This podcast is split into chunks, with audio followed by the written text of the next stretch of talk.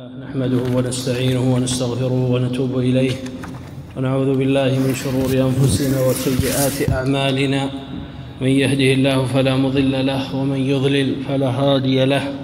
وأشهد أن لا إله إلا الله وحده لا شريك له وأشهد أن محمدا عبده ورسوله صلى الله عليه وسلم. وعلى آله وأصحابه وأتباعه بإحسان إلى يوم الدين وسلم تسليما كثيرا. أما بعد فلا زال الحديث في بيان وتوضيح وشرح رسالة فضل الإسلام للإمام المجدد المصلح محمد بن عبد الوهاب رحمه الله تعالى. قال المؤلف رحمه الله تعالى باب ما جاء أن الله احتجز التوبة على صاحب البدعة. قال هذا مروي من حديث أنس ومن مراسيل الحسن وذكر ابن وضاح عن أيوب قال كان عندنا رجل يرى رأيا فتركه. فأتيت محمد بن سيرين فقلت أشعرت أن فلانا ترك رأيه؟ قال انظر إلى ماذا يتحول. إن إن آخر الحديث أشد أشد عليهم من أوله. يمرقون من الإسلام ثم لا يعودون إليه. وسئل أحمد بن حنبل عن معنى ذلك فقال لا يوفق للتوبة. تقدم الكلام على باب ما جاء في أن البدعه أشد من الكبائر وذلك أن البدعه استدراك على الشريعة وأن المبتدع الذي اخترع البدعه أو عمل بها يرى أنه محسن وأنه يتقرب إلى الله جل وعلا بهذه البدعة. بخلاف صاحب المعصية والخطيئة فإنه يرى أنه على ذنب وأنه عاص وأنه مقصر. فإن دعي الأول إلى الرجوع والتوبة لم يزده لم تزده بدعته إلا إصرارا عليها.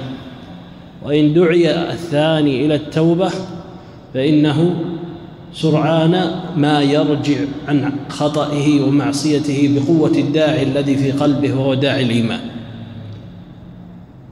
ومن هنا يتبين خطر البدعة لأنها تغيير في الشريعة.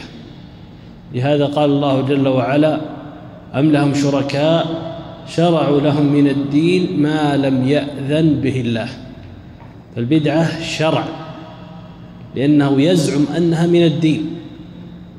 ومن هنا يكون خطرها ثم إذا تقرر ذلك وتقرر ما في البدعة من خطر أن صاحب البدعة يحمل وزر من عمل ببدعته إلى يوم القيامة وأنه موعود بسوداد وجهه يوم القيامة كما قال الله جل وعلا ويوم القيامة ترى الذين كذبوا على الله وجوههم مسودة.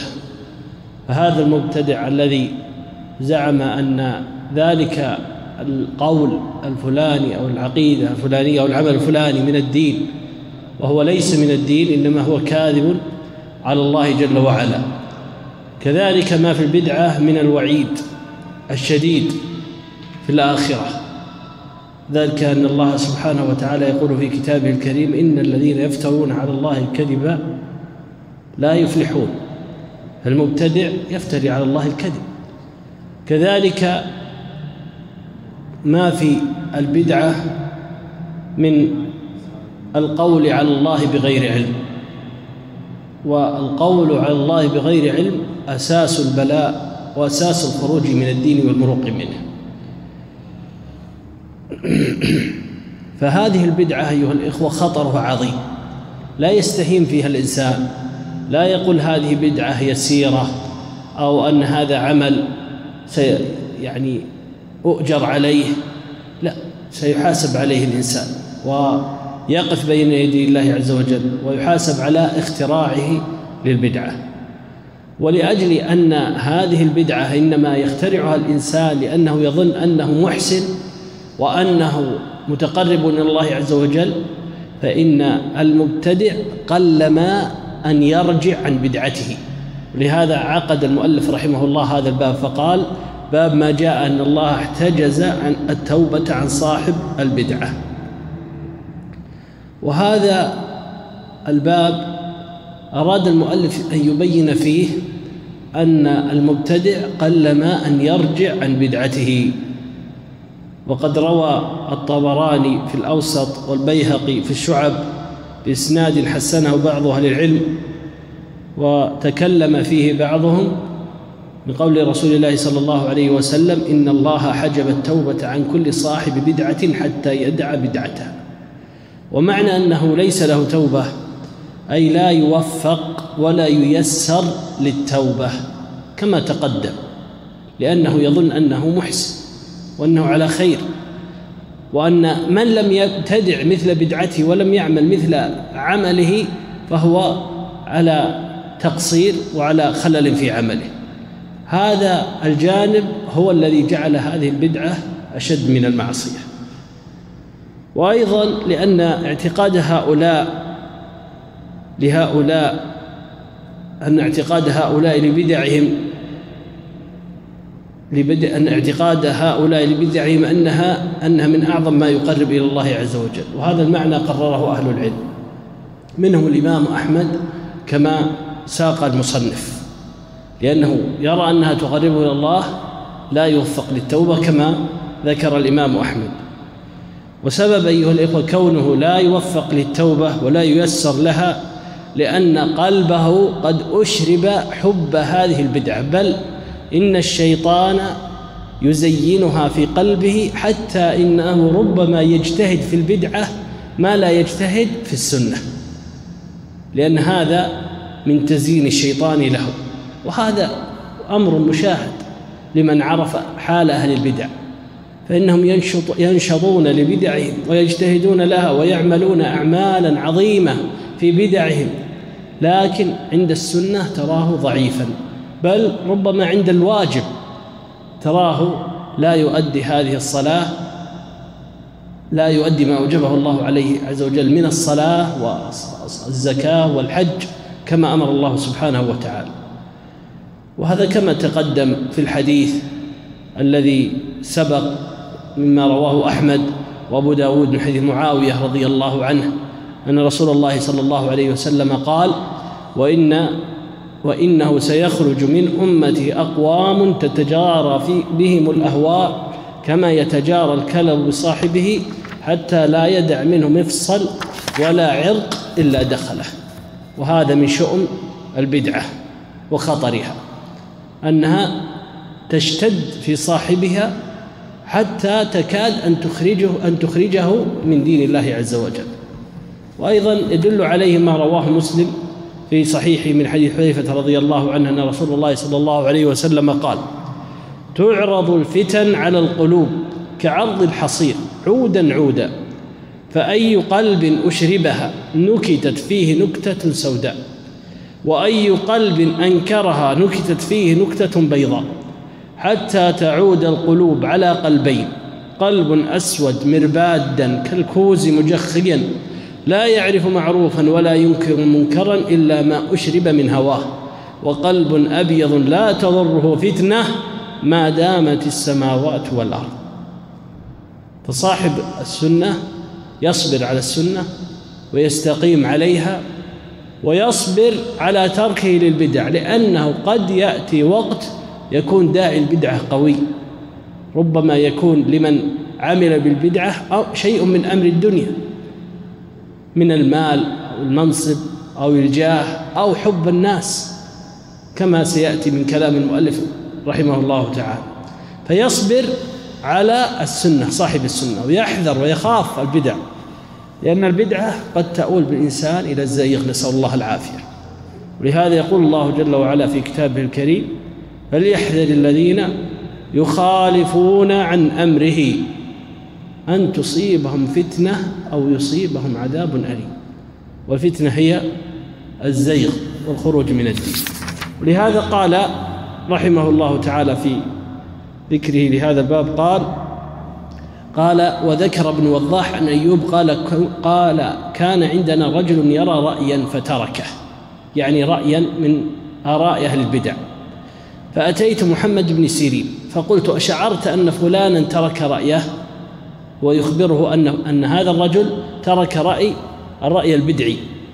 قال ابن سيرين رحمه الله انظر إلى ماذا يتحول. إن آخر الحديث أشد عليهم من أوله. يمرقون من الإسلام ثم لا يعودون إليه. وهذا فيه فائدة أن غالب من ترك البدعة غالبا أنه أنه يبقى عنده شوب منها أو أنه ينتقل من بدعة إلى بدعة أخرى. مصداقا لقول رسول الله صلى الله عليه وسلم يمرقون من الدين كما يمرق السهم من الرمية ثم لا يعودون فيه. ثم قال المؤلف رحمه الله تعالى باب قول الله تعالى يا أهل الكتاب لم تحاجون في إبراهيم وما أنزلت التوراة والإنجيل من بعد؟ أفلا تعقلون؟ ها أنتم هؤلاء حاججتم فيما لكم به علم فلم تحاجون فيما ليس لكم به علم؟ والله يعلم أنتم لا تعلمون. ما كان إبراهيم يهوديا ولا نصرانيا ولكن كان حنيفا مسلما وما كان من المشركين. عقد المؤلف رحمه الله هذا الباب ليدل ويعلم صاحب السنة أن أنه لا يغنيه شيئا انتسابه للسنة ما لم يكن عقيدته وعمله على السنة حقيقة. كما قال الله جل وعلا قل إن كنتم تحبون الله فاتبعوني يحببكم الله ويغفر لكم. فهذه الآية فيها بيان أن من أسلم لله وادعى أنه من أتباع رسول الله صلى الله عليه وسلم فليلزم جادته وطريقته وسنته في كل أمر صغير كان أو كبير وإلا فهو مدع كاذب غير صادق. فحاله كحال أهل الكتاب الذين يزعمون أنهم أتباع لإبراهيم عليه السلام وأنه منهم وهم مع ذلك مخالفون لطريقته وهي التوحيد فهم على الشرك والكفر بالله. فمن كان من أتباع الأنبياء فليكن على طريقتهم ومن كان من أهل السنة فليكن على السنة حقيقة وعملا. ومثل ذلك الانتساب انتساب أصحاب بعض أصحاب المذاهب الفقهية إلى إلى أئمتهم. فيقال أنا فيقول أنا شافعي أو أنا مالكي أو أنا حنبلي وهو ليس على عقيدة ذلك الإمام بل هو على عقيدة مخالفة له. فنقول إن كنت شافعيا فالزم ما كان عليه الشافعي في العقيدة. وإن كنت حنبليا فالزم ما عليه الإمام أحمد في العقيدة. وإن كنت مالكيا فالزم ما عليه الإمام مالك في العقيدة. وإن كنت على مذهب أبي حنيفة فكن على ما عليه أبي حنيفة من عقيدة أهل السنة والجماعة. أما الانتساب مجرد الانتساب للأئمة وللعلماء والمذاهب والأنبياء والرسل دون العمل بما هم عليه فإن هذا لا يغني لا يغني صاحبه شيئا. لهذا قال الله جل وعلا في هذه الآية ما كان إبراهيم يهوديا ولا نصرانيا ولكن كان حنيفا مسلما وما كان من المشركين. هذا فيه نفي الانتساب. فلما قالوا إن إبراهيم منهم فيقال إبراهيم مسلم وليس من المشركين. فكيف يكون منكم؟ وكيف تكونون منه ثم قال المؤلف رحمه الله وقوله ومن يرغب عن ملة إبراهيم إلا من سفه نفسه ولقد اصطفيناه في الدنيا وإنه في الآخرة لمن الصالحين. ساق المؤلف رحمه الله هذه الآية ليبين يبين فضل إبراهيم عليه السلام. وفضل ملته وهي ملة الإسلام. وأن كل ما خالف ملة الإسلام من الطرق فهو دليل على السفه وبوابة للهلاك والخسار في الدنيا والآخرة. ومن يرغب عن ملة إبراهيم إلا من سفه نفسه. ولقد اصطفيناه في الدنيا وإنه في الآخرة لمن الصالحين.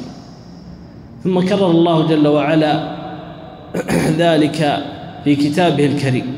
في آيات عديدة. قال الله جل وعلا ثم أوحينا إليك أن اتبع ملة إبراهيم حنيفا وما كان المشركين. وما كان من المشركين. وقال الله جل وعلا ومن أحسن دينا ممن أسلم وجهه لله وهو محسن واتبع ملة إبراهيم حنيفا وقال الله جل وعلا قل إنني هداني ربي إلى صراط مستقيم قيما ملة إبراهيم إلى صراط مستقيم دينا قيما ملة إبراهيم حنيفا وما كان من المشركين. وقال الله جل وعلا قل صدق الله فاتبعوا ملة إبراهيم حنيفا وما كان من المشركين. وملة إبراهيم هي الحنيفية أن تعبد الله مخلصا له الدين. وبذلك أمر الله الناس وخلقهم له كما قال الله جل وعلا وما خلقت الجن والإنس إلا ليعبدون. فمن أعرض عن هذه الملة وهي دين التوحيد فهو قد سفه نفسه أي أزرى بها وأدخل نفسه إلى بوابة الهلاك. فالمسلم المتبع للرسل عليهم الصلاة والسلام والذي قد اتبع رسول الله صلى الله عليه وسلم محمدا يلزم طريقته. ثم قال المؤلف رحمه الله وفيه حديث الخوارج وتقدم في الصحيح أنه صلى الله عليه وسلم قال إن آل أبي فلان ليس إلي بأولياء إنما أوليائي المتقون وفيه أيضا عن أنس رضي الله عن أنس إن رسول الله صلى الله عليه وسلم ذكر له ذكر له أن بعض الصحابة قال أما أنا فلا آكل اللحم وقال آخر أما أنا فأقوم ولا أنام وقال آخر أما أنا فلا أتزوج النساء. وقال آخر أما أنا فأصوم ولا أفطر. فقال صلى الله عليه وسلم لكنني أقوم وأنام وأصوم وأفطر وأتزوج النساء وآكل اللحم فمن رغب عن سنتي فليس مني. قال الشيخ المجدد رحمه الله فتأمل إذا كان بعض الصحابة أراد التبتل للعبادة قيل فيه هذا الكلام الغليظ وسمي فعله, وسمي فعله رغوبا عن السنة. فما ظنك بغير هذا من البدع؟ وما ظنك بغير الصحابة.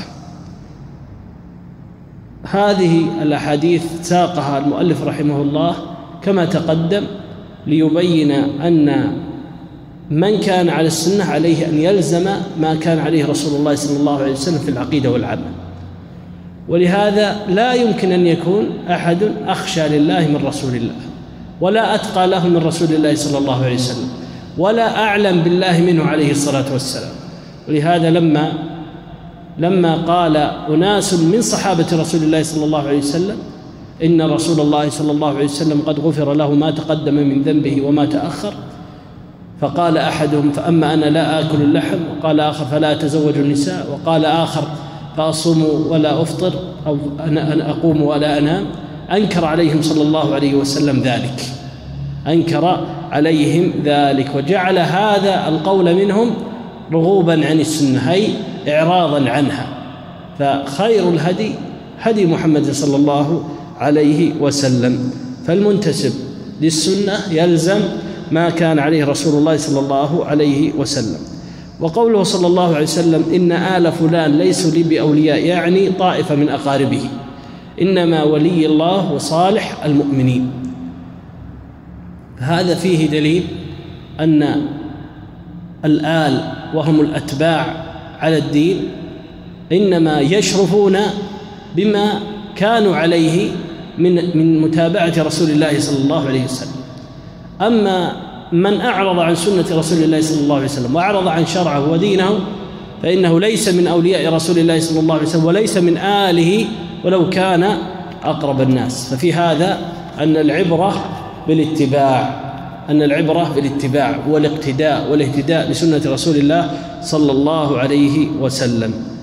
وفي هذا فائدة أن المبتدع الخارج الخارج عن السنة المفارق لما عليه الرسول صلى الله عليه وسلم في العقيدة والعمل لا ينسب إلى السنة.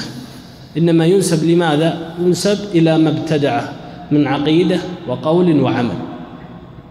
فالسنة مقرونة بالجماعة. من من لزم السنة من لزم السنة في عقيدته وعمله فهو صاحب السنة. أما من أعرض عن السنة في عقيدته فليس من أهل السنة فيما أعرض فيما أعرض به عنها. ولهذا قال صلى الله عليه وسلم فمن رغب عن سنتي فليس مني. يعني من أخذ بالبدع والمحدثات فهل هو من أهل السنة؟ هل هو من رسول الله صلى الله عليه وسلم؟ الجواب لا. بل هو بل هو إلى ما ابتدعه ويوالي ما ابتدعه من المحدثات. قال المؤلف رحمه الله فتأمل إذا كان بعض الصحابة أراد التبتل للعبادة قيل في هذا الكلام الغليظ وسمي فعله رغوبا عن السنة فما ظنك بغير هذا من البدع؟ وما ظنك بغير الصحابة؟ معنى ذلك أن غير الصحابة أولى بهم أولى بهم. أولا أن يتصوروا أمرا أنه يقربهم إلى الله وهو بخلاف ذلك. إذن يخاف المسلم من الوقوع في البدعة. ويتحرى في عمله السنة ويعلم ويتأكد هل هو على الدليل وعلى السنة أم أنه مخالف للسنة. فإذا كان بعض الصحابة وقع في هذا فغيرهم من باب أولى. هذا أولا. ثانيا إذا كان التشديد من رسول الله صلى الله عليه وسلم وقع على الصحابة حتى قال فمن رغب عن سنتي فليس مني انظر كيف التشديد في المخالفة للسنة. فغير الصحابة من باب أولى لأن الصحابة أعظم وأحرى أن يتلطف لهم القول. لكن لما كان أمر السنة ولزومها أمرا عظيما وأصلا من أصول الدين كان التشديد في على مخالفها أوقع وأشد. ولهذا قال عليه الصلاة والسلام فمن رغب عن سنتي فليس مني. ثم قال الشيخ رحمه الله فما ظنك بغير هذا من البدع؟ يعني هذه بدعة عملية بدعة في العمل هو زاد زاد في أمر العبادة ما ليس منها. تبتل تعبد لله بترك النكاح تعبد لله بترك النوم في الليل تعبد لله بعدم أكل اللحم. هذه بدع عملية. فما ظنك بأعظم من هذا؟ وهو مخالفة دين المرسلين بالوقوع في الشرك ودين ودين أهل الأوثان. أو مخالفة أهل السنة في عقيدتهم في الله جل وعلا وفي أسمائه وفي صفاته وما يجب له سبحانه وتعالى من التعظيم. لا شك أن هذا أعظم وأجل. وفي هذا فائدة أنه لا ينبغي أن يتهاون في البدع. فالبدع خطيرة. تخرق سور الجماعة سور السنة سور صاحب العقيدة الصحيحة حتى لا تدعه إلا وقد هلك. كما تقدم من قول رسول الله صلى الله عليه وسلم وإنه سيخرج من أمتي أقوام تتجارى فيه بهم الأهواء كما يتجارى الكلو بصاحبه لا يدع منه عرق ولا مفصل إلا دخله. فلا يلام صاحب السنة إذا شدد في السنة وشدد في في متابعة الرسول صلى الله عليه وسلم ونهى عن البدع فلا يقال له أكثرت. لا. لأن هذا من أعظم الأمور. ولكن الذي يلام الذي تهاون في السنة أو عرض قلبه للأهواء والشبهات والبدع الصارفة له عن الحق. ثم قال المؤلف رحمه الله؟ باب قول الله تعالى فأقم وجهك للدين حنيفا قول الله تعالى فأقم وجهك للدين حنيفا فطرة الله التي فطر الناس عليها لا تبديل لخلق الله. ذلك الدين القيم ولكن أكثر الناس لا يعلمون. وقوله تعالى ووصى بها إبراهيم بنيه ويعقوب يا بني إن الله اصطفى لكم الدين فلا تموتن إلا وأنتم مسلمون. وقوله ثم أوحينا إليك أن اتبع ملة إبراهيم حنيفا وما كان من المشركين.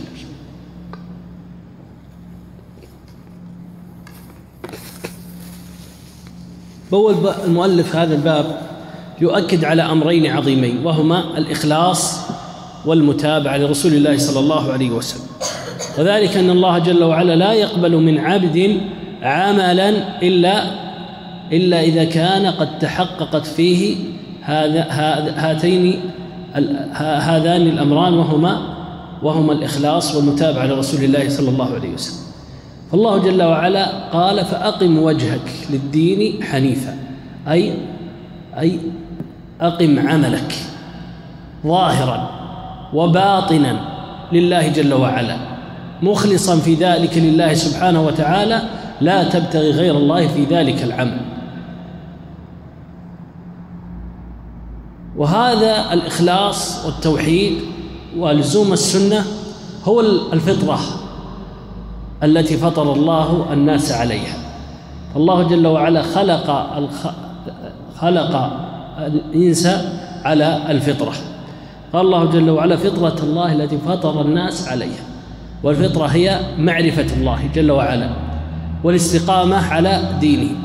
فلو خلي الإنسان وفطرته وفطرته فلو خلي الإنسان وفطرته لانقاد لأمر الله عز وجل ومن حرف. إلا أنه كما قال رسول الله صلى الله عليه وسلم قال الله تعالى خلقت عبادي حنفاء. فاجتالتهم الشياطين. أي على على عبادة الله ومعرفة الله و والقابلية للحق والاستقامة عليه. وكما قال رسول الله صلى الله عليه وسلم كل مولود يولد على الفطرة فأبواه يهودانه أو ينصرانه أو يمجسانه. فالفطرة هي دين الإسلام وهي التي خلق الله جل وعلا علي الناس عليها. ثم إن الله جل وعلا أوصى عباده أن يستقيموا على هذه على ما خلقهم الله عليه من الفطرة وهي دين التوحيد. فأخبر أن نبيه إبراهيم عليه الصلاة والسلام وصى بنيه وكذلك يعقوب أوصوهم بالتوحيد وهو الفطرة. فهذا مما يدل على عظيم أمر عظيم أمر التوحيد. وذلك أن أن الرسل عليهم الصلاة والسلام يوصون بها بل الرسل عليهم الصلاة والسلام إنما بعثوا لأجل ذلك كما قال الله جل وعلا ولقد بعثنا في كل أمة رسولا أن اعبدوا الله واجتنبوا الطاغوت. فكل الرسل أرسلوا ليأمروا الناس بعبادة الله وحده لا شريك له والكفر بالطاغوت كفر بما يعبد من دون الله عز وجل. وكذلك يتعاهدون أقوامهم وبنيهم بشرع الله عز وجل وأعظمه التوحيد كما وصى إبراهيم بنيه ويعقوب بذلك. فالمسلم يسير على طريقة الرسل ويعتني بالتوحيد تعلما وتعليما وعملا واعتقادا وأيضا دعوة. فأعظم ما يبدأ به الإنسان أن يدعو أهله أن يراجع معهم التوحيد ومسائل التوحيد ومسائل الاعتقاد ويوصيهم بالتوحيد. هذا ليس أمرا عاديا أيها الإخوة حتى يتساهل فيه الإنسان. هذا أمر مهم جدا بل هو أهم المهمات أن يعتني الإنسان بالتوحيد أن يراجع مع أهله بالتوحيد أن يراجع مع أبنائه الصغير من ربك ما دينك من نبيك أين الله ما هو القرآن هو كلام الله. هذه مسائل عظيمة. ينبغي العناية بها كما اعتنى بها الأنبياء والمرسلون. ثم قال رحمه الله وقول الله تعالى وصى بها إبراهيم بنيه ويعقوب يا بني إن الله اصطفى لكم الدين فلا تموتن إلا وأنتم مسلمون. قال ابن كثير وصى بهذه الملة وهي الإسلام. وقول الله تعالى ثم أوحينا إليك أن اتبع ملة إبراهيم حنيفا مسلما وما كان من المشركين. قال ابن جرير الطبري رحمه الله مسلما على الدين الذي كان عليه إبراهيم بريئا من الأوثان والأنداد التي يعبدها قومك كما كان إبراهيم تبرأ منها. فالتوحيد أيها الإخوة ينبغي العناية به. لا يمل الإنسان من ذكر التوحيد وتكراره. ودائما التوحيد يدخل الخلل فيه عندما يترك وتترك مراجعته. تدخل الخلل. ولهذا الرسول صلى الله عليه وسلم ثلاثة عشر سنة في مكة يدعو إلى التوحيد. ولما مات عليه الصلاة والسلام كان قبل وفاته في حجر عائشة رضي الله عنها. فذكرت كنيسة في أرض الحبشة وما فيها من الصور. فقالت عليه الصلاة والسلام لعنة الله على اليهود والنصارى اتخذوا قبور أنبيائهم مساجد. تقول عائشة يحذر مما صنعوا فانظر كيف كان عليه الصلاة والسلام. يعتني بالتوحيد. حتى إن الرسول عليه الصلاة والسلام في أو في أشد الأوقات التي يحتاج فيها المسلمون إلى اجتماع الكلمة ووحدة الصف ونبذ أسباب الاختلاف والفرقة شدد في التوحيد. كما في حديث أبي واقد الليثي رضي الله عنه قال خرجنا مع رسول الله صلى الله عليه وسلم ونحن حدثاء عهد بكفر وللمشركين سدرة يعكفون عندها وينوطون بها أسلحتهم. فمررنا بسدرة. فقلنا يا رسول الله اجعل لنا ذات ذات أنواط كما لهم ذات أنواط. فقال رسول الله صلى الله عليه وسلم الله أكبر. قلتم الذي بنفسي بيده كما قال أصحاب موسى لموسى اجعل لنا إلها كما لهم آلهة. ولكنكم قوم تجهلون لا تتبعن سنن من كان قبلكم حذو القذة بالقذة حتى لو دخل بحر الضب لدخلتم. يقول الشيخ محمد بن عبد الوهاب رحمه الله في مسائل كتاب التوحيد انظر أن أن الصحابي قد يخفى عليه شيء من مسائل التوحيد وهو صحابي فما بالك بمن بعدهم الذين قد يخفى عليهم أصل الأصول؟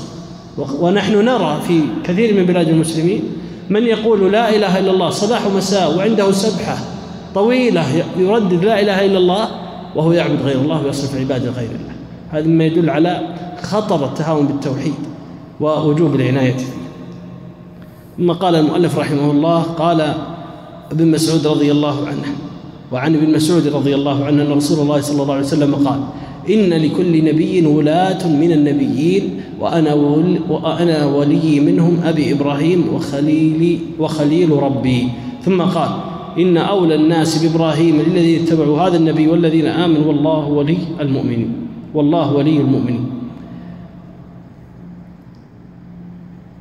ساق المؤلف هذا الحديث ليدل على فضل الاتباع وكرامة أهله فإن شرف التابع من شرف المتبوع والأنبياء لهم الشرف الأعظم والمكانة الكبرى فكل نبي ولي من قبله من من بعده من من المرسلين والنبيين وليه أي ناصره ومؤيده فالأنبياء بعضهم أولياء بعض. وكذلك أتباع الأنبياء.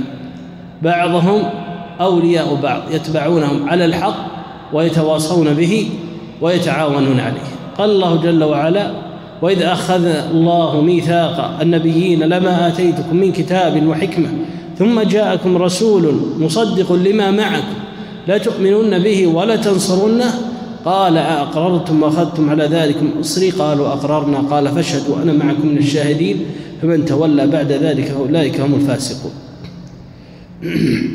وقال الله جل وعلا لتؤمنوا بالله وتعزروه وتوقروه وتسبحوه بكرة وأصيلا. وقال سبحانه فالذين آمنوا به وعزروه ونصروه واتبعوا النور الذي أنزل معه أولئك هم المفلحون. وقال جل وعلا إنما وليكم الله ورسوله والذين آمنوا الذين يقيمون الصلاة ويؤتون الزكاة وهم راكعون وهذا كما تقدم أن المؤمنين بعضهم أولياء بعض وكل نبي ولي من بعده أي ناصره ومؤيده ومعزره ثم قال المؤلف رحمه الله وعن أبي هريرة رضي الله عنه قال قال رسول الله صلى الله عليه وسلم إن الله لا ينظر إلى أجسامكم ولا إلى أموالكم ولكن ينظر إلى قلوبكم وأعمالكم.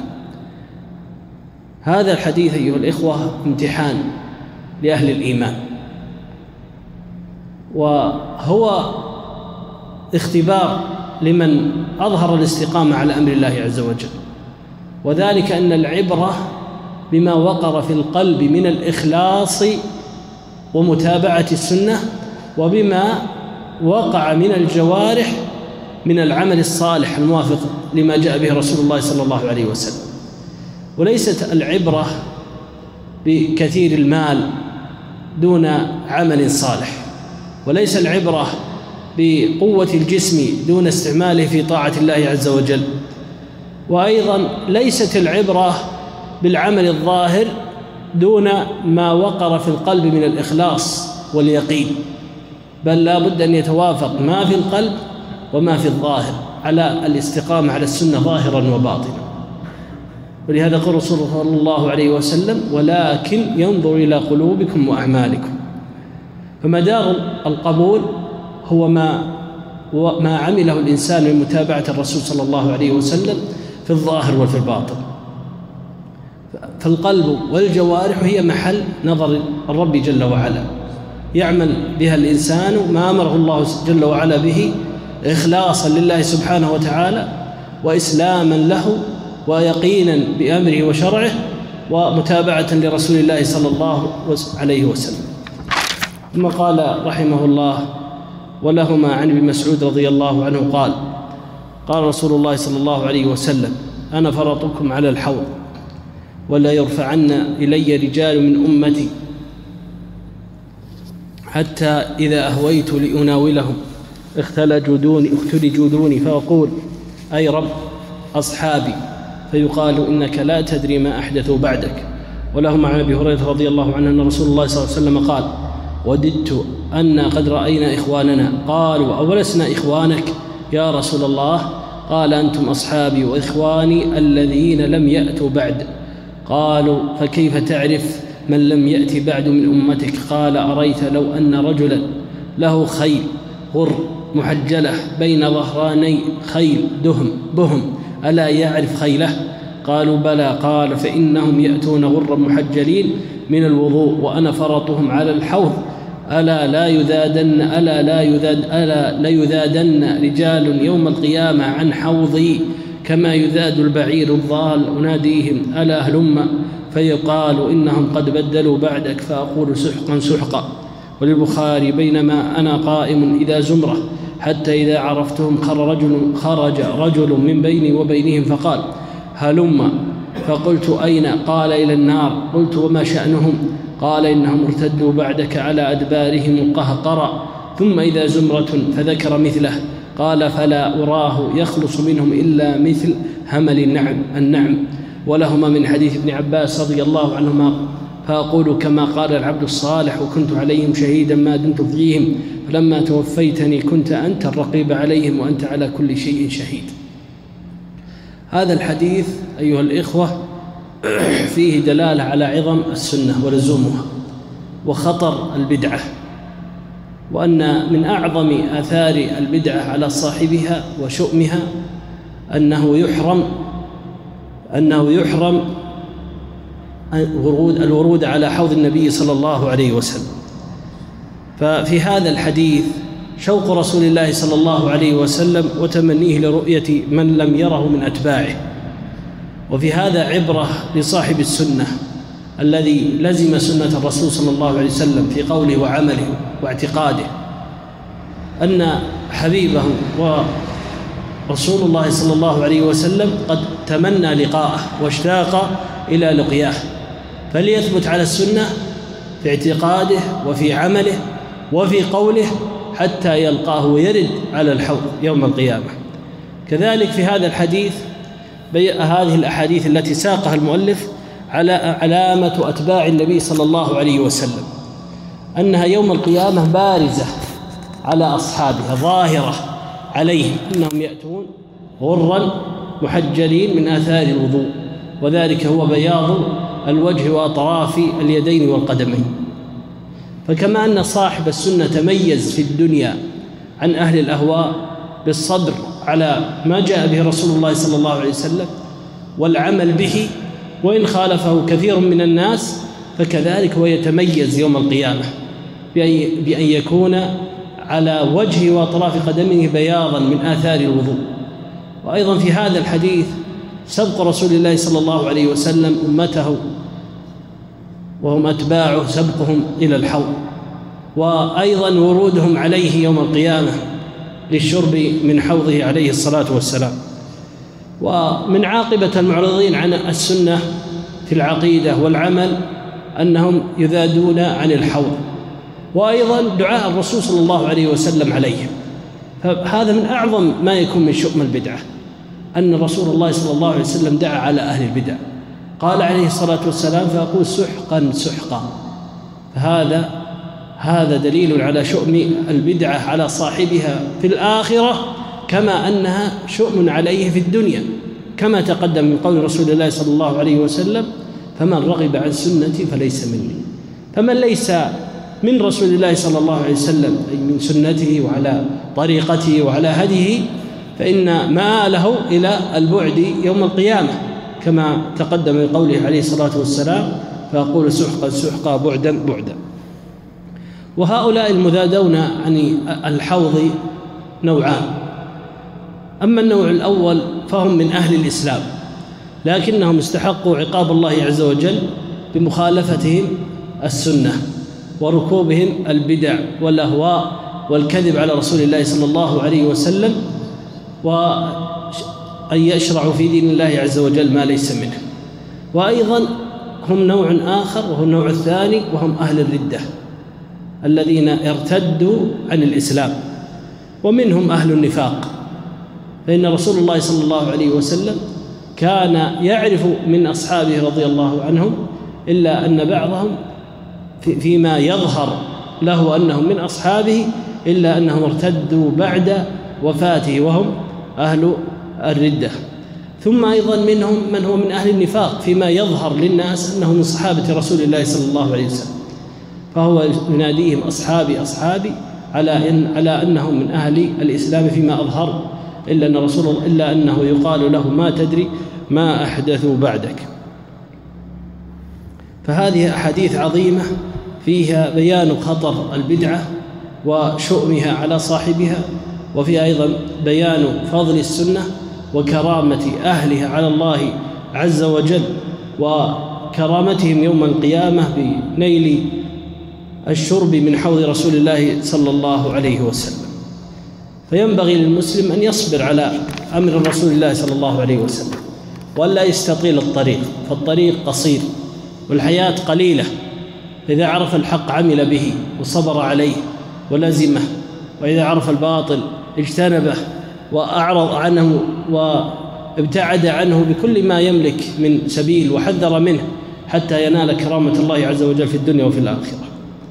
ثم إن المؤلف رحمه الله قال ولهما عنه مرفوعا ما من مولود يولد إلا على الفطرة فأبواه يهودانه أو ينصرانه أو يمجسانه كما تنتج البهيمة جمعاء. هل تحسون فيها من جدعاء حتى تكونوا أنتم تجدعونها؟ ثم قرأ أبو هريرة فطرة الله التي فطر الناس عليها متفق عليه. هذا كما تقدم أن الناس فطروا على معرفة الله عز وجل ومعرفة دينه وأنهم لو تركوا وفطر و لو تركوا وفطرهم لاستقاموا على أمر الله عز وجل. ومن أعرض من الناس عن الحق وانقاد للباطل سواء نشأ على ذلك أو انحرف عن الحق بعدما عرفه فإنما لفساد في فطرته فإنما ذلك لفساد في فطرته بسبب إما نشوء بسبب والدين ونحوها أو بسبب عوامل أخرى صرفت المرأة عن الحق إلى الباطل. ثم قال المؤلف رحمه الله عن حذيفة رضي الله عنه قال كان الناس يسألون رسول الله صلى الله عليه وسلم عن الخير وأنا أسأله عن الشر مخافة يدركني. فقلت يا رسول الله إنا كنا في جاهلية وشر فجاءنا الله بهذا الخير فهل بعد هذا الخير من شر؟ قال نعم. فقلت وهل بعد ذلك الشر من خير؟ قال نعم وفيه دخل. قلت وما دخنه؟ قال قوم يستنون بغير سنتي ويهدون بغير هدي تعرف منهم وتنكر. قلت فهل بعد ذلك الخير من شر. قال نعم فتنة عمياء ودعاة على أبواب جهنم. من أجابهم إليها قذفوه فيها. قلت يا رسول الله صفهم لنا. قال قوم من جلدتنا ويتكلمون بألسنتنا. قلت يا رسول الله ما تأمرني أدركني ذلك؟ قال تلزم جماعة المسلمين وإمامهم. قلت فإن لم يكن لهم جماعة ولا إمام قال فاعتزل تلك الفرق كلها ولو أن تعض على أصل شجرة حتى يدركك الموت. وأنت على ذلك أخرجه. وزاد مسلم ثم ماذا؟ قال يخرج الدجال معه نهر ونار فمن وقع في ناره وجب أجره وحط عنه وزره ومن وقع في نهره وجب وزره وحط أجره. قلت ثم ماذا؟ قال هي قيام الساعة. قال أبو العالية قال المؤلف رحمه الله قال أبو العالية تعلموا الإسلام فإذا تعلمتموه فلا ترغبوا عنه وعليكم بالصراط المستقيم فإنه الإسلام. ولا تنحرفوا عن الصراط يمينا ولا شمالا. وعليكم بسنة نبيكم وإياكم. وهذه الأهواء. انتهى. قال الإمام المجدد رحمه الله محمد بن عبد الوهاب تأمل كلام أبي العالية هذا. ما أجله. واعرف زمانه الذي يحذر فيه من الأهواء التي من اتبعها فقد رغب عن الإسلام. وتفسير الإسلام بالسنة. والإسلام وخوفه على أعلام التابعين وعلمائهم من الخروج عن السنة والكتاب. يتبين لك معنى قوله تعالى إذ قال له ربه أسلم وقوله وصى بها إبراهيم بنيه ويعقوب. وقوله ومن يرغب عن ملة إبراهيم إلا من سفه نفسه. وأشباه هذه الأصول الكبار التي هي أصل الأصول والناس عنها في غفلة. وبمعرفته يتبين معاني الأحاديث في هذا الباب وأمثالها.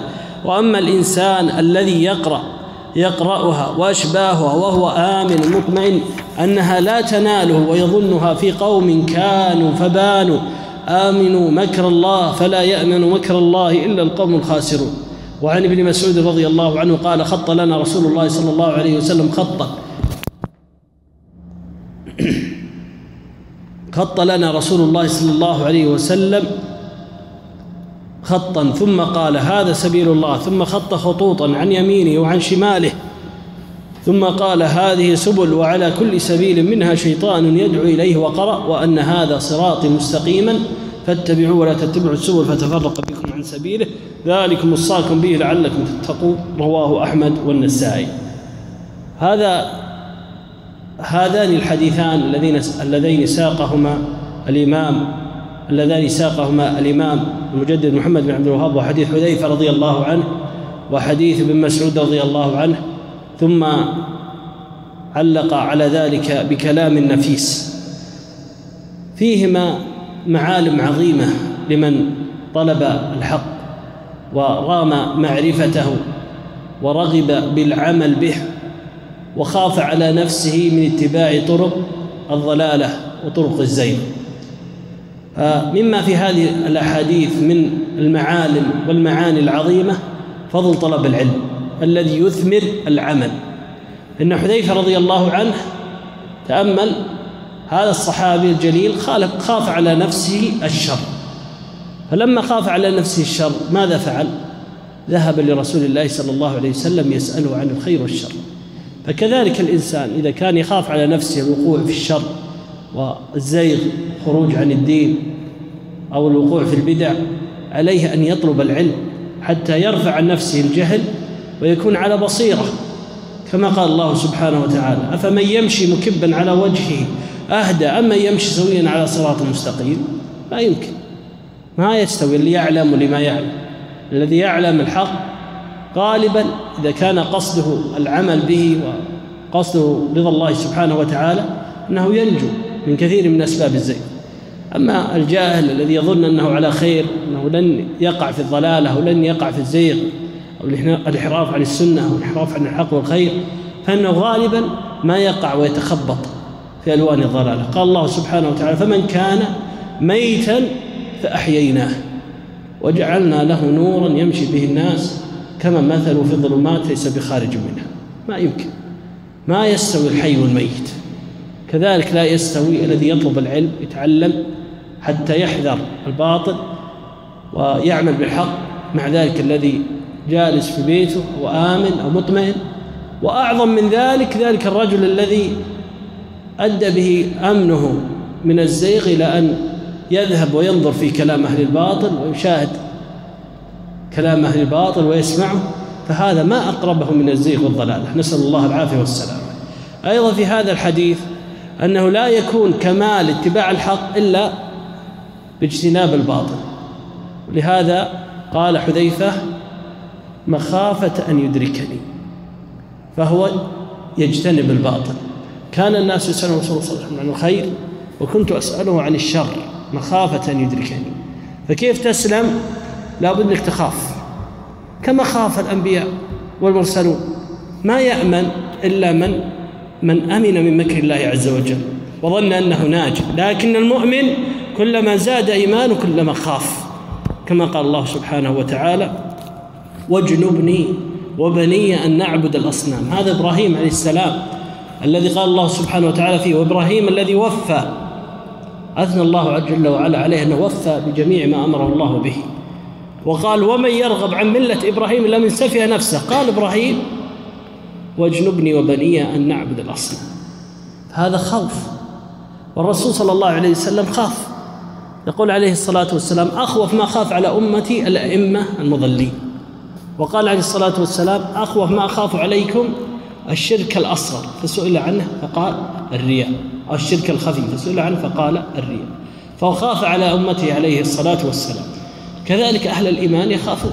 يخاف أن يكون من أهل النفاق يخاف أن يكون من أهل الرياء يخاف أن يكون من من من أهل الخروج والمروق عن الدين بالشرك بالله عز وجل. أو الكفر بالله سبحانه وتعالى أو الخروج من الطاعة إلى المعصية من حال أهل التقوى إلى حال أهل الفسوق. لذلك من خاف أدلج كما قال عليه الصلاة والسلام أي أسرع. لا خفت من شيء كما يقال فررت منه. كذلك الذي يخاف من الزيغ يفر منه. كيف يفر؟ يتعلم العلم. يسأل الله الثبات على الحق والهداية وأن يريه الحق حقا ويرزقه اتباعه. وأن يريه الباطل باطلا ويرزق اجتنابه. كذلك يبذل أسباب الثبات على الحق وأسباب اجتناب الباطل. في هذا الحديث أيضا علامة من علامات صدق النبي عليه الصلاة والسلام بحصول الشر وكثرته وحصول الدعاة وخروج الدعاة على أبواب جهنم. قال عليه الصلاة والسلام في هذا الحديث بعد أن سألهم عن الخير والشر قال نعم أنه سيوجد شر ثم يوجد خير وفيه دخل. ثم يخرج دعاة على أبواب جهنم من أجابهم قذفوه فيها وهم الدعاة إلى الباطل. أيضا في هذا الحديث بيان العاصم من من الزيغ والضلال. كيف الإنسان ينجو من الزيغ والانحراف إلى المعاصي والذنوب أو الانحراف إلى البدع والأهواء بلزوم بلزوم أمر الله عز وجل ولزوم السنة. ولهذا قال رسول الله صلى الله عليه وسلم لحذيفة رضي الله عنه تلزم جماعة المسلمين وإمامهم. والجماعة هنا هي هي السنة. دل على هذا حديث عبد الرحمن بن عوف رضي الله عنه كما في الترمذي من قول رسول الله صلى الله عليه وسلم افترقت اليهود على 71 فرقة وافترقت النصارى على 72 فرقة وستفترق أمتي على 73 فرقة كلها في النار إلا واحدة. قالوا من هي يا رسول الله؟ قال الجماعة. في رواية من كان على مثل ما أنا عليه اليوم وأصحابي. قوله تلزم جماعة المسلمين من هم؟ من كان على مثل ما عليه الرسول صلى الله عليه وسلم وأصحابه وهم أهل الاعتقاد الصحيح والمنهاج السليم فهذا هو العاصم من الضلال والعاصم من الزين كذلك في هذا الحديث بيان بيان وجوب لزوم الإمام المسلم وطاعته في غير معصية الله. ولي الأمر المسلم الذي استتب له الأمر وانقاد له الناس تجب طاعته في غير معصية الله. دل عليه هذا الحديث. لما أن الرسول صلى الله عليه وسلم أخبر حذيفة أنه ستقع الفتن وسيقع الدعاة على أبواب جهنم أخبره عن المخرج. قال تلزم جماعة المسلمين وإمامهم جماعة المسلمين كما تقدم هي السنة وهي ما جاء عن رسول الله صلى الله عليه وسلم. وإمامهم هو ولي الأمر. دل على هذا أحاديث كثيرة في الكتاب والسنة وتواترت النصوص في ذلك. كما قال الله جل وعلا يا أيها الذين آمنوا أطيعوا الله وأطيعوا الرسول وأولي الأمر منكم. وفي الصحيحين حديث ابن عمر رضي الله عنه أن رسول الله صلى الله عليه وسلم يقول على المرء المسلم السمع والطاعة للأمير فيما أحب وكره ما لم يؤمر بمعصية فلا سمع ولا طاعة. وحديث حديث عبادة بن الصامت رضي الله عنه في البخاري ومسلم أن رسول الله صلى الله عليه وسلم قال أنه, أنه قال دعانا رسول الله صلى الله عليه وسلم فكان فيما أخذ علينا أن بايعنا على السمع والطاعة في العسر واليسر والمنشط والمكره وعلى أثرة منا وأن لا ننازع الأمر أهله إلا أن تروا كفرا بواحا عندكم فيه من الله برهان. فتلزم جماعة المسلمين وهم السنة تلزم إمامهم يقول شيخ الإسلام ابن تيمية رحمه الله لزوم جماعة المسلمين فيه سلامة الدين لأنك تلزم السنة وهي الصراط المستقيم. ولزوم إمامهم فيه سلامة الدنيا.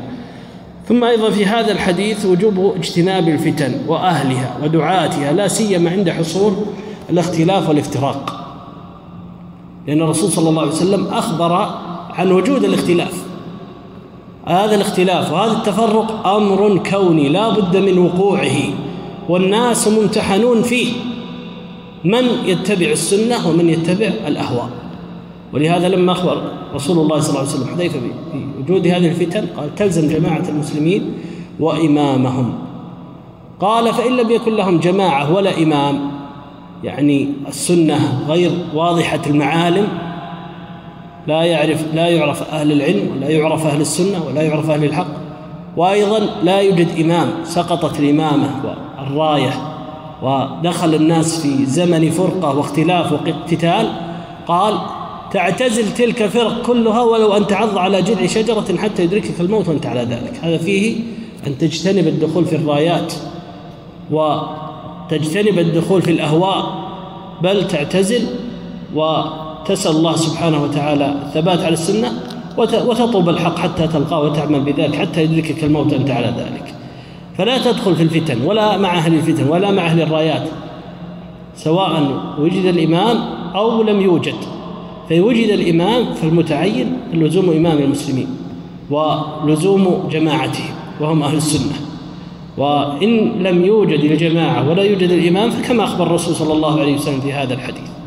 أيضا أخبر رسول الله صلى الله عليه وسلم كما في الحديث رواه الترمذي من حديث العرباض بن سارث رضي الله, رضي الله عنه أن رسول الله صلى الله عليه وسلم قال وإنه من يعش منكم فسيرى اختلافا كثيرا. أهواء آراء فرق أحزاب. ما هو الحل؟ العاصم من الضلال كما تقدم. فعليكم بسنتي وسنة الخلفاء الراشدين المهديين عضوا عليها بالنواجذ. وإياكم محدثات الأمور. فإن كل محدثة بدعة وكل بدعة ضلالة وكل ضلالة في النار. أيضا في هذا الحديث على هذه الأحاديث بيان حقيقة الصراط المستقيم وأنه الإسلام والسنة. فإن رسول الله صلى الله عليه وسلم خط خط. خط خطا. ثم جعل من جانب الخط خطوطا. فالصراط المستقيم هو الذي يوصل إلى غاية وهي رضا الله سبحانه وتعالى. وهو الإسلام وهو السنة.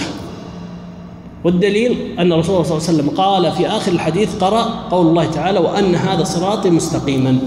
فاتبعوا أي السنة ما جاء عن رسول الله صلى الله عليه وسلم في العقيدة والعمل.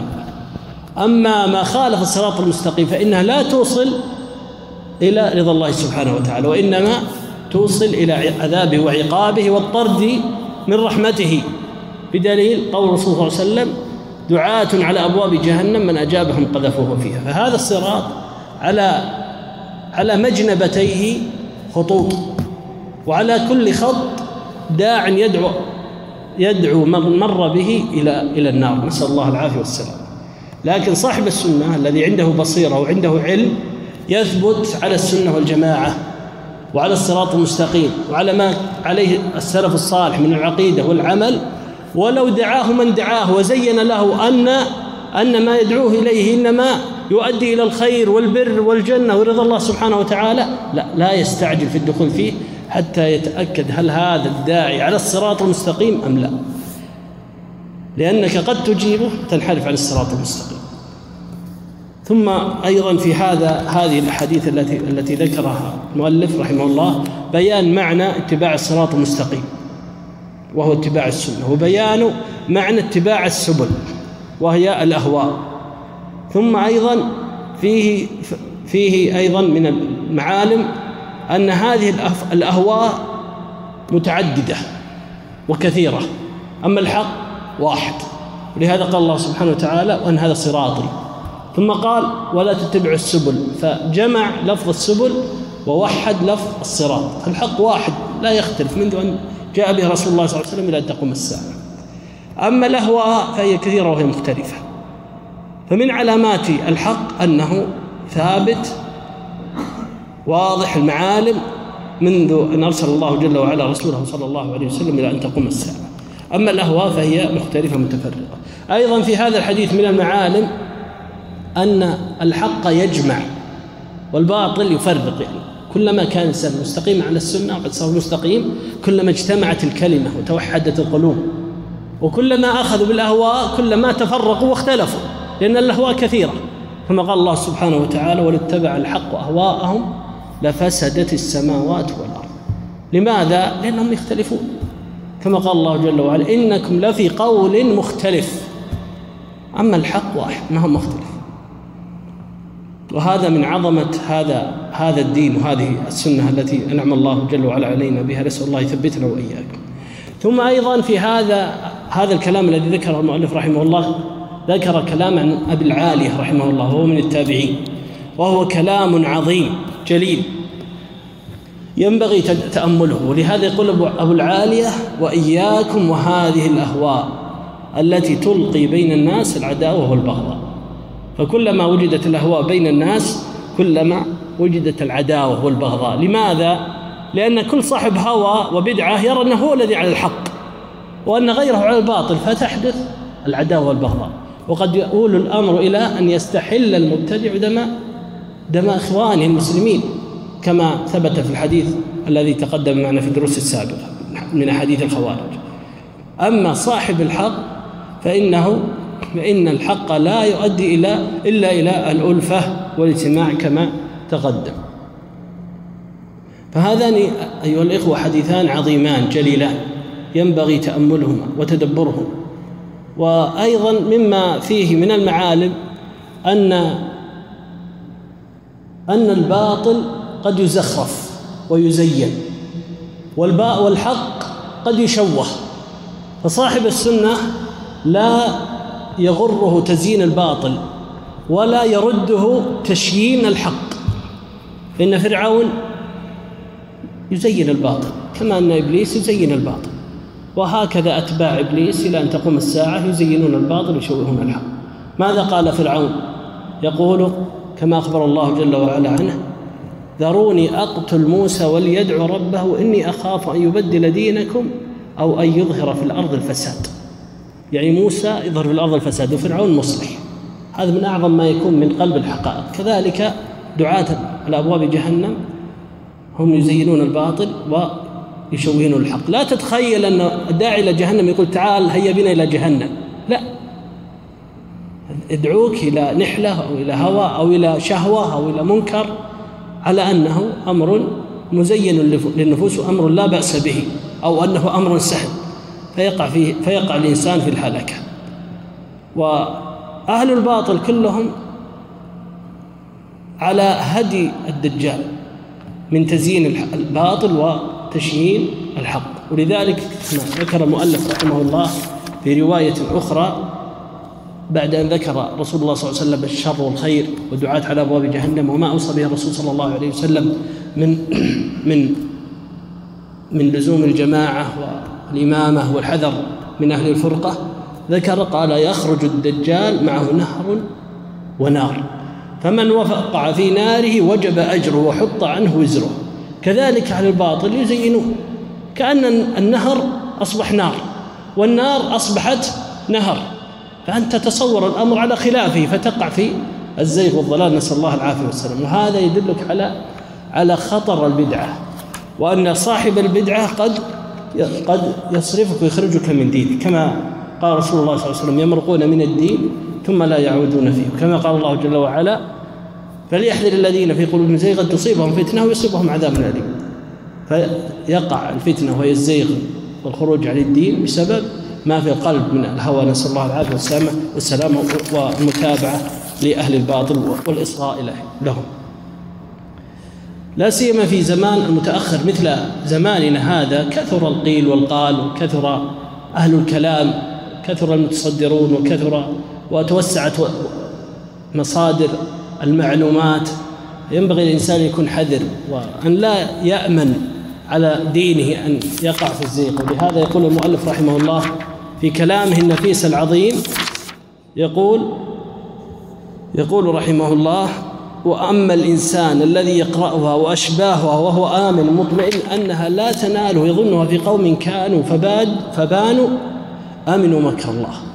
فالإنسان عندما يقرأ هذه النصوص لا يتصور أنها للصحابة فقط أو للسلف. لا هذه النصوص يجب العمل فيها حتى تقوم الساعة. أنت مخاطب بها ولذلك لو استحضرنا عند سماعنا لنصوص الكتاب والسنة أن لو استحضر الواحد أنه مخاطب بنفسه قبل أن يخاطب غيره لوجد تأثيرا كبيرا في قلبه. ثم أن المؤلف رحمه الله قال ما جاء في غربة الإسلام وفضل الغرباء. وقول الله تعالى فلولا كان من القرون من قبلكم أولو بقية ينهون عن الفساد في الأرض إلا قليلا ممن أنجينا.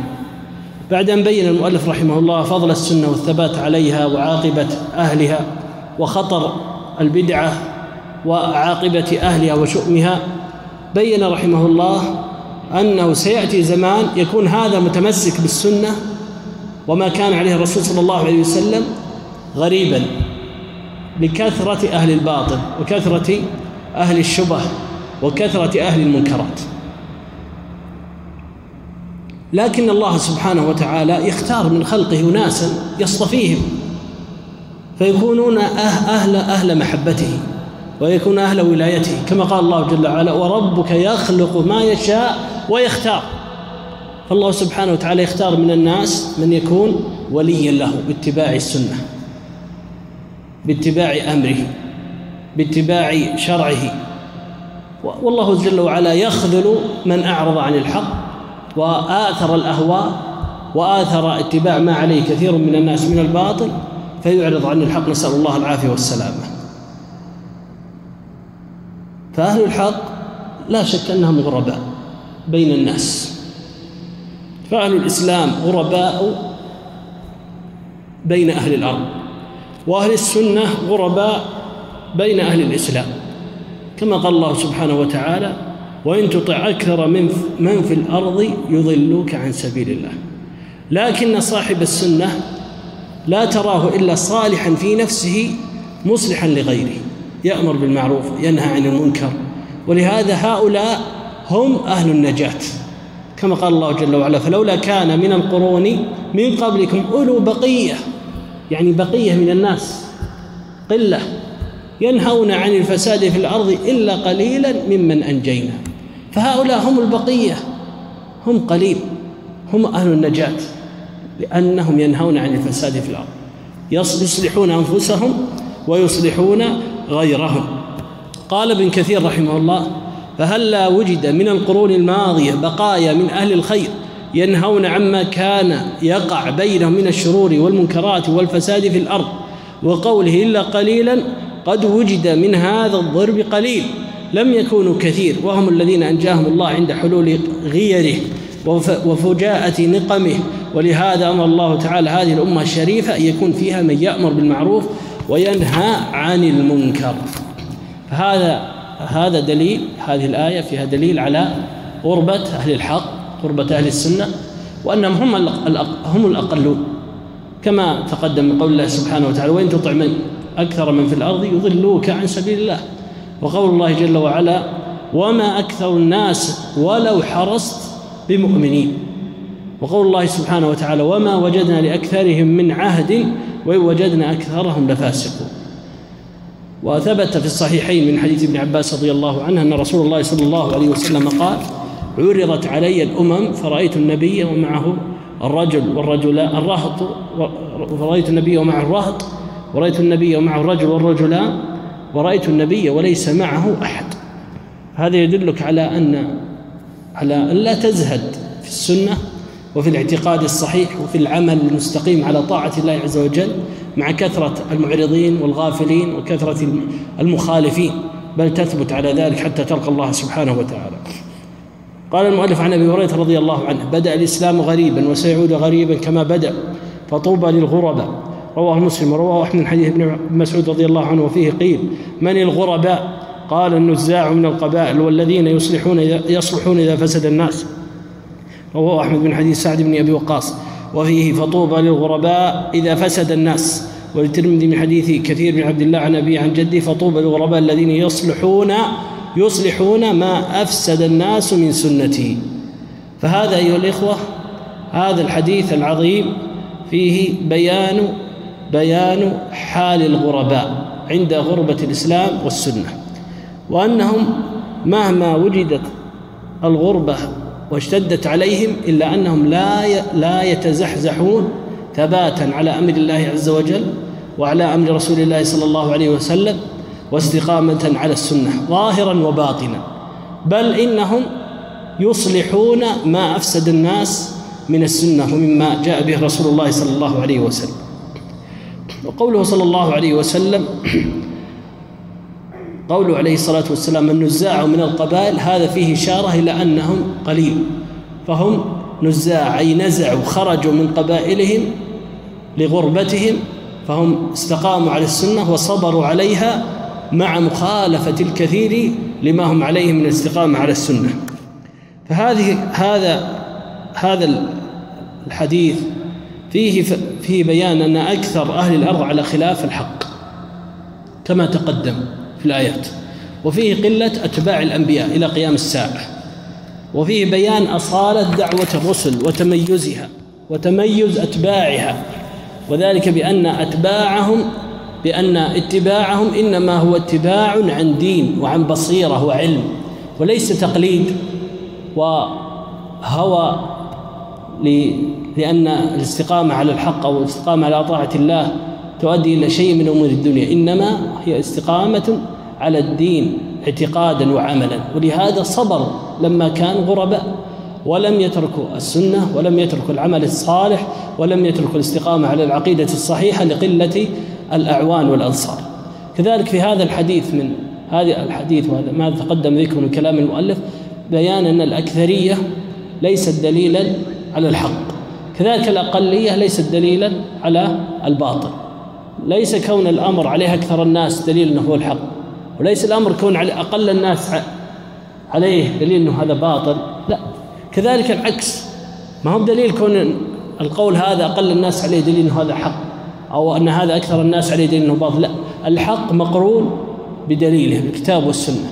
فما دل الكتاب والسنة على أنه حق فهو الحق وما دل الكتاب والسنة على أنه هو الباطل فهو الباطل سواء كان عليه أكثر الناس أو أقلهم فحكم الأكثرية هنا ليس له اعتبار في معرفة الحق وتمييزه والعمل به أو معرفة الباطل وتمييزه واجتنابه كذلك في هذه الأحاديث بيان أن النجاة كونا لأهل الاستقامة على السنة الذين يصلحون في أنفسهم ويصلحون غيرهم.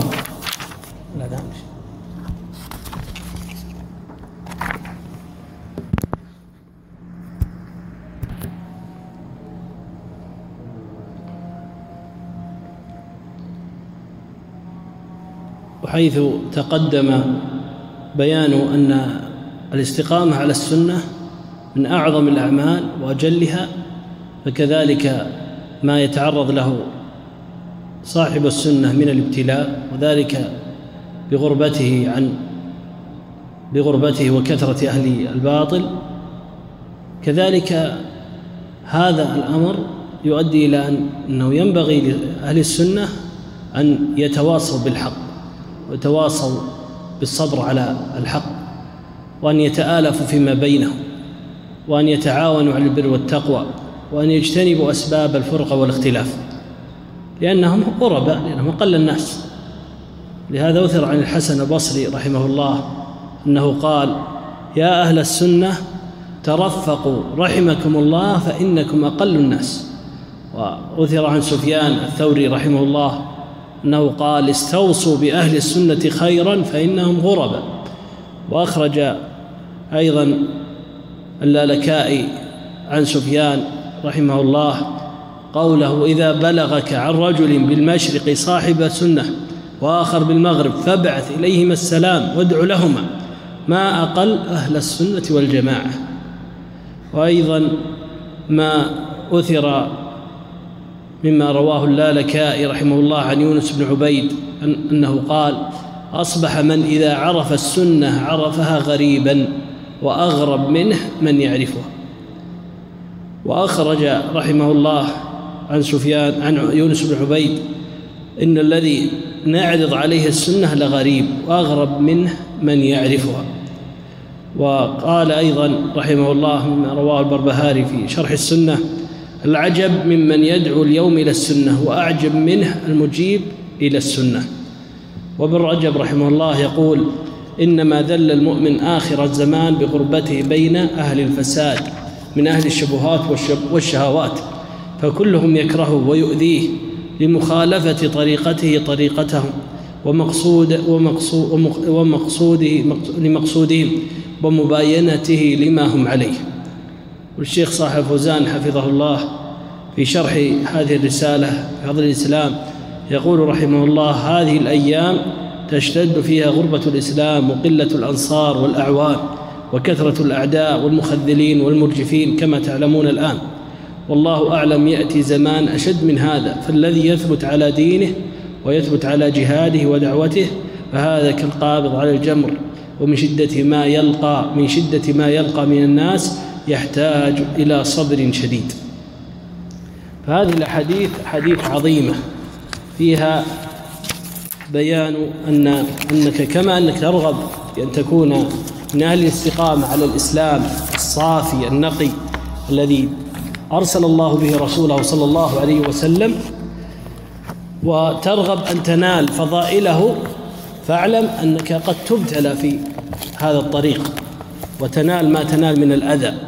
من المخالفين أو تنال ما أو أو يقع عليك ما يقع من الغربة وقلة الموافقين فلا تترك ما أنت عليه من معرفة الحق والعمل به والاستقامة على طاعة الله لأجل مخالفة المخالفين أو كثرة الأذى ونحو ذلك بل استقم واصبر وأبشر وإعلم أنك على الصراط المستقيم الذي يوصل إلى رضا الله سبحانه وتعالى ونيل رحمته ودخول جنته.